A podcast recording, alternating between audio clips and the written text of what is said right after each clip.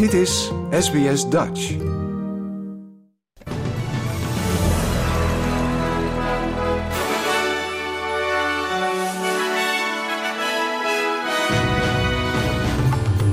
Dit zijn de headlines van het SBS Dutch News Bulletin van woensdag 12 oktober.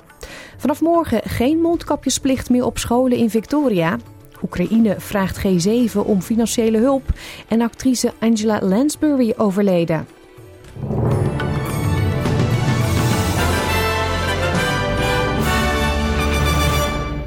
Scholen in Victoria zullen drastische veranderingen zien in de COVID-19-regels nu de Pandemic Declaration in de staat ten einde komt. Volgens de nieuwe regels, die morgen ingaan, zijn maskers niet langer verplicht. Ook hoeft er niet langer afstand gehouden te worden en komt de vaccinatieplicht voor personeel te vervallen. Verder hoeven Victorianen niet langer in isolatie nadat ze positief zijn getest op COVID-19, maar dit wordt nog wel sterk aanbevolen. De federale regering wordt dringend verzocht te luisteren naar het advies om een verzoek om afvalwater van kolenlaaggas in een rivier in Queensland te lozen om dat af te wijzen. Mijnbouwbedrijf Santos heeft een aanvraag ingediend om tijdens de overstromingen onbehandeld afvalwater uit de gasvelden van Central Queensland in de Dawson River te dumpen. De Dawson River is een aftakking van de Fitzroy River die uitmondt in het Great Barrier Reef, het leefgebied van ernstig bedreigde witkeelschildpadden en Fitzroy River schildpadden.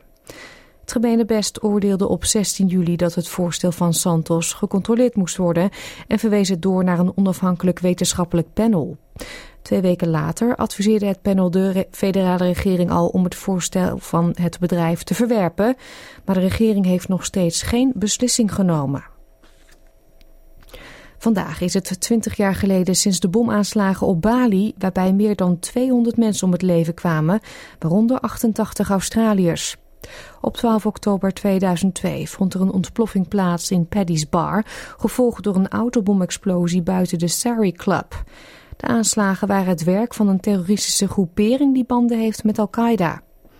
Voormalig voorzitter van de Balinese gemeenschap van New South Wales, Nioman Budi, vertelde aan SBS Indonesië dat, hoewel de bomaanslagen verschrikkelijk waren, het belangrijk is om ervan te leren. We are always taught that we may be angry but don't prolong it. We then open a new chapter. What has happened, happened.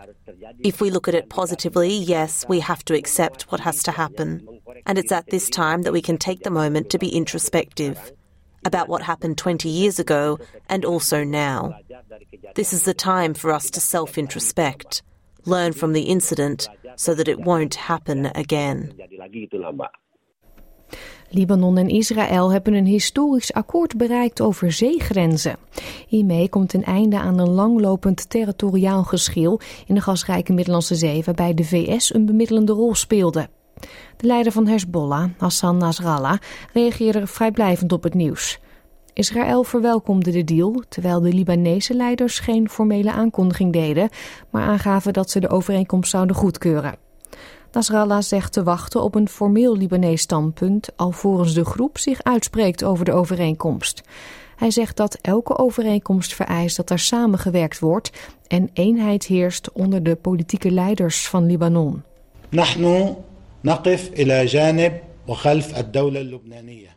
We are standing with and behind the Lebanese state with regards to Lebanese demands. For us, what's important is when the Lebanese officials that represent the Lebanese state say that this understanding or agreement will achieve the Lebanese formal demands for the Lebanese government, then for us, we are set.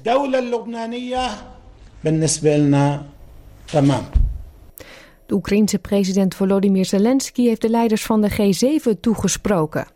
Hij bedankte hen voor hun steun en smeekte om meer hulp.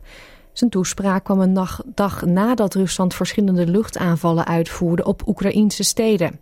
Onder meer de hoofdstad Kiev werd bestookt met raketten. Niet alleen werden militaire en infrastructurele doelen getroffen, ook burgerdoelen zoals woningen, scholen en medische voorzieningen werden beschoten. Zelensky vroeg de leiders om te helpen met het oprichten en het financieren van een luchtschild voor Oekraïne. Dear friends, Mrs. Prime Minister Truss, Prime Minister Trudeau, Prime Minister Kishida, dear President Charles Michel, dear Ursula von der Leyen, I'm asking you to strengthen the overall effort to help financially with the creation of an air shield for Ukraine. Millions of people will be grateful to the Group of Seven for such assistance. Zelensky stelde ook voor een internationale missie op te richten om de activiteiten aan de Oekraïns-Wit-Russische grens te observeren. Volgens hem trekt Rusland Wit-Rusland mee in de oorlog. De leiders van de G7 hebben toegezegd Kiev te blijven voorzien van financiële, humanitaire, militaire, diplomatieke en juridische steun. Ook zullen ze zich inzetten om Oekraïne te ondersteunen bij de voorbereidingen op de winter. Het Internationaal Monetair Fonds, IMF, stelt zijn verwachtingen voor de wereldeconomie voor 2023 naar beneden bij. Als reden wordt een lange lijst van bedreigingen aangevoerd, waarop onder andere de Russische oorlog tegen Oekraïne, chronische inflatiedruk, oplopende rentetarieven en de aanhoudende gevolgen van de wereldwijde pandemie. Het IMF, dat kredieten verstrekt aan 190 landen, voorspelt dat de wereldeconomie volgend jaar met slechts 2,7% zal groeien.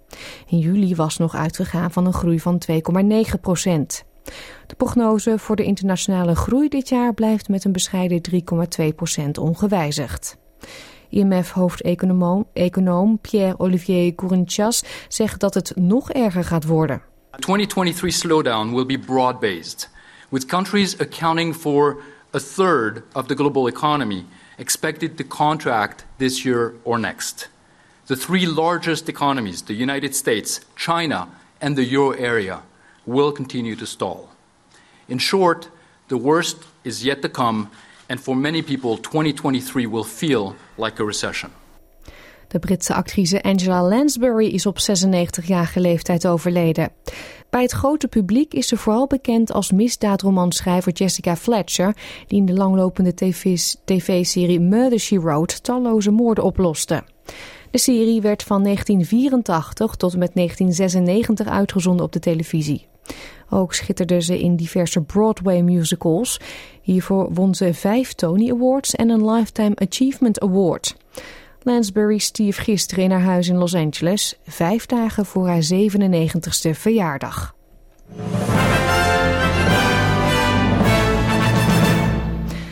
Kijken we naar de weersverwachting voor vandaag. In Perth is het gedeeltelijk bewolkt en wordt het 20 graden.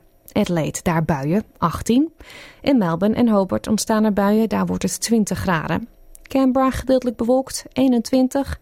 Ook bewolking in Wollongong, 19. Sydney gedeeltelijk bewolkt, 21. Ook bewolking in Newcastle, 22. Brisbane bewolkt, 24 graden. Cairns daar kans op een paar buien, 31. En het is nat in Darwin bij 34 graden. Dit was het SBS Dutch Nieuws.